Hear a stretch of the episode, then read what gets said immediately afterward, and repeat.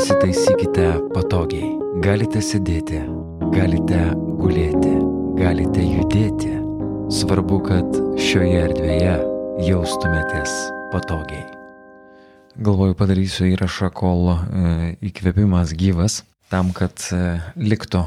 Negaliu pažadėti, kad ši dalis yra naujo podcast'o pradžia. Gali būti, kad tai bus tik tai vidurys, bet kadangi šiuo metu yra e, aplankiusi maloni būsena, tai aš ir dalinuosi jos priežastimi, nes pagauti ir po to galvoti apie tai, kaip tu jautėjai ir ką galvojai, atpasakoti po jausmo yra ganėtinai sudėtinga.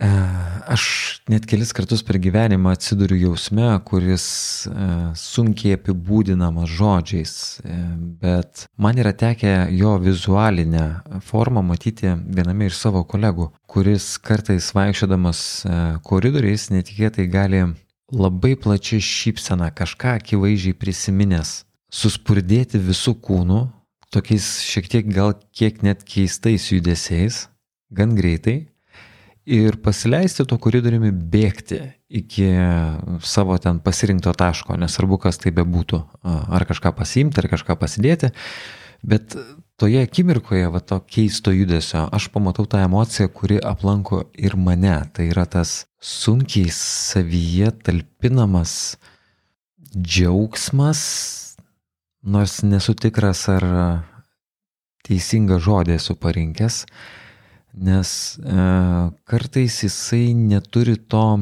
įprasto mums e, džiaugsmo pavydalo arba atspirties taško, dėl ko tu džiaugiesi. Tam tikros situacijos, pavyzdžiui, perskaityta e, kažkokia tai žinutė ar pranešimas vienoje kitoje socialinėje erdvėje, kuri sustimuliuoja manyje pačius gražiausius turimus jausmus. Ir šioje vietoje aš kalbu apie tą manyje esantį empatijos jausmą, švelnumą, aistrą, e, švelnę meilę, apgaubiančią meilę. Nežinau, galėčiau vardinti, bet tai yra tos e, gerosios pusės savybės, kurios akivaizdžiai yra gyvos kiekviename iš mūsų. Ir neišimtis ir tu, kuris klausaisi šių mano minčių. Tam tikros aplinkybės gyvenime, kai jos susidėlioja, atrodytų teisingų laikų į teisingas vietas, jos viduje paskatina tai, kas yra sudėta manyje. Ir akivaizdu, kad a, mūsų prioritetai ir iš to, kaip mes sulibdyti viduje, yra skirtingi. Ir skirtingos situacijos skirtingai žmonės stimuliuoja. Dėl to vienos aplinkybės gali būti suprastos vienam kiekviena kūno lastele, o kitas tą pačią informaciją priimti pakankamai sausai ir šaltai. Aš gyvenu šiandien būtent tokioje emocijoje, kai iš vidaus besiveržintis džiaugsmas, pakartosiu, nors tai nėra tinkamiausias žodis, jisai mane priverčia spurdėti, maloniai nerimauti ir vad su plačia šypsena greitai judėti. Ir aš mėginu dekonstruoti sudėdamasias dalis, nes tai yra tiek kartų patirta per gyvenimą ir aš dėkoju Dievams, kad aš tai patyriau. Ir niekada nesustota ir nepagalvota, kokios aplinkybės tai nulėmė. O jeigu ir galvota kažkada, tai apie kitokio džiaugsmo skonį e, aš galvodavau. Aš iš serijos kalbu apie tuos, vadinkime, materialius dalykus, aš manau, kad po šiai dienai jie suteikia labai didelį malonumą ir tikrai tą gali sukurti džiaugsmo efektą, per juos mes galim keliauti link to džiaugsmo efekto. E, aš žinau, kad tokio tipo džiaugsmas, jisai kaip pigus narkotikas, labai greitai prie jo priprantama. Ir greitai pameti tą nuoširdų džiaugimas, apie kurį aš ir kalbu, apie tą, kuris netelpa tavyje ir jisai labai dažnu mano atveju gyvenime neturėdavo, neturėdavo tos pačios materijos formos.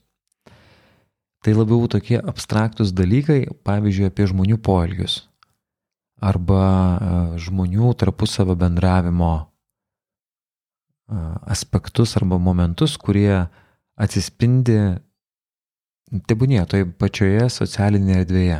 Kažkas pasidalino e, paustų kuriame aš žvelgdamas į dviejų žmonių nuotrauką, matau tai, kas yra nesuvaidinta. Tikrą, tikrą jausmą. Ir nebūtinai ta nuotrauka kiekvieną kartą turi būti romantiškai žavinga, kažkur besileidžiant saulėje, saulėlydyje, masyvesnis virukas per pečius apkabinęs moterį, moteris švelniai prigludusi. Nebūtinai nuotrauka gali būti su tokiu poskoniu. Ir dekonstruodama šitą dieną, matau, kad nėra tam tikrų aplinkybių, kurios kalbėtų apie atspirties tašką. Kaip ir minėjau, tu svajoji apie automobilį, tu užsidirbi ir jį nusiperki ir va tą akimirką turi tą kelių dienų tikrai nemažą džiaugsmą. Dažnu atveju mažesnį negu tu įsivaizdavai, bet vis tiek džiaugsmą. O kai tas e, jausmas, apie kurį aš dabar kalbu, ateina va toks stiprus iš vidaus, su tais purtuliais per visą kūną, tada ten nėra mašinos. Ten netgi priešingai yra nežinomybė, ar ten mašina, ar motoroleris, ar dviratis, ar e, tiesiog naujų batų pora. Yra nežinomybės bet tuo pačiu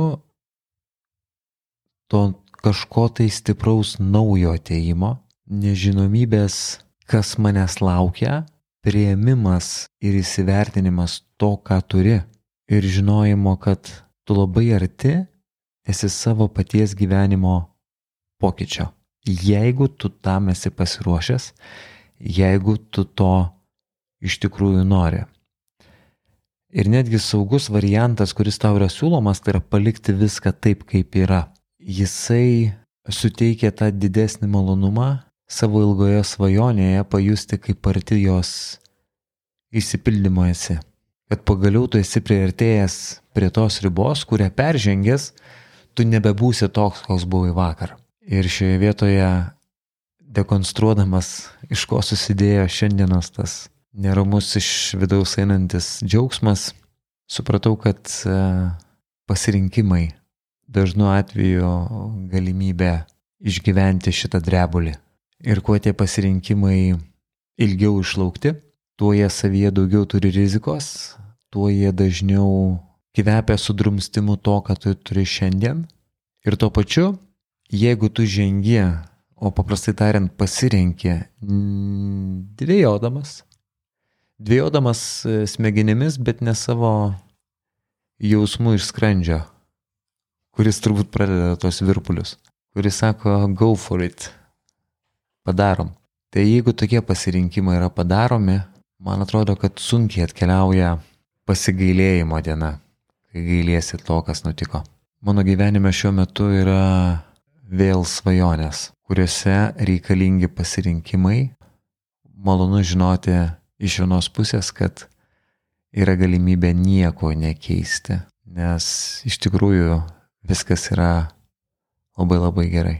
Ir tuo pačiu žinoti, kad kartais pokytis, kuris įvyksta po pasirinkimo, buvo reikalingas tam, kad būtų dar geriau. O baisu? Neramu. Dideliuose pasirinkimuose tikriausiai kitaip ir nebūna. Bent jau mano gyvenime kitaip nebuvo. Aš tas, kuris devynis kartus matuoja ir dešimtą kerpa. Buvo dalykų gyvenime, kurių taip ir negebėjau pajusti, išmėginti ir gan dažnai save plakdavau už per mažą drąsą, už per didelį leidimą mano protui atimti tai, ką jaučia dušė. Ir tuo pačiu dabar suprantu, kad aš padariau didelius pasirinkimus, jų nebuvo daug jie visi atnešė pokytį. Ir ne po vieno iš jų aš prabėgus laikui nesigailėjau. Jie leido man atkurti save tikresnį kiekvieną kartą. Priartėti prie to, kuris įgyvendina tai, ką jam širdis sako padaryti. Ir net jeigu tai yra tik tai podcastas skambių pavadinimų Mind Rain Art, kuris iš tikrųjų viduje Tiesiog nori sutalpinti tiek daug to vidinio purtulio, to džiaugsmo, su kuriuo jisai pats nori kurti pasaulį, ir kuriame pasaulyje jisai nori nubusti. Va taip. Turtinga diena. Jis nepraeina veltui, kai savo atsakai tam tikrus klausimus, bent jau apie tai, kaip tu jautiesi šiandien. Praėjo laikai, kai galvas skauda tiesiog, kad nuotaika bloga. Gyvename akimirkoje, kada galime ne tik žinoti, bet galime ir neuždavinėti klausimo, kodėl. Galim dekonstruoti, numanydami, kas tai nulėmė, galim atrasti ištakas kelio arčiau savęs, galime susimauti, bet svarbiausiai, kad galime pabūti tikrais prieš save patį. Kuo gilyn į mišką, tuo daugiau medžių. O aš pasakysiu, kad kuo gilyn į savęs paieškas, tuo daugiau aiškumo apie tai, kas tu ir kokius pasirinkimus tu padarai tada, kada juos reikia padaryti. Iki.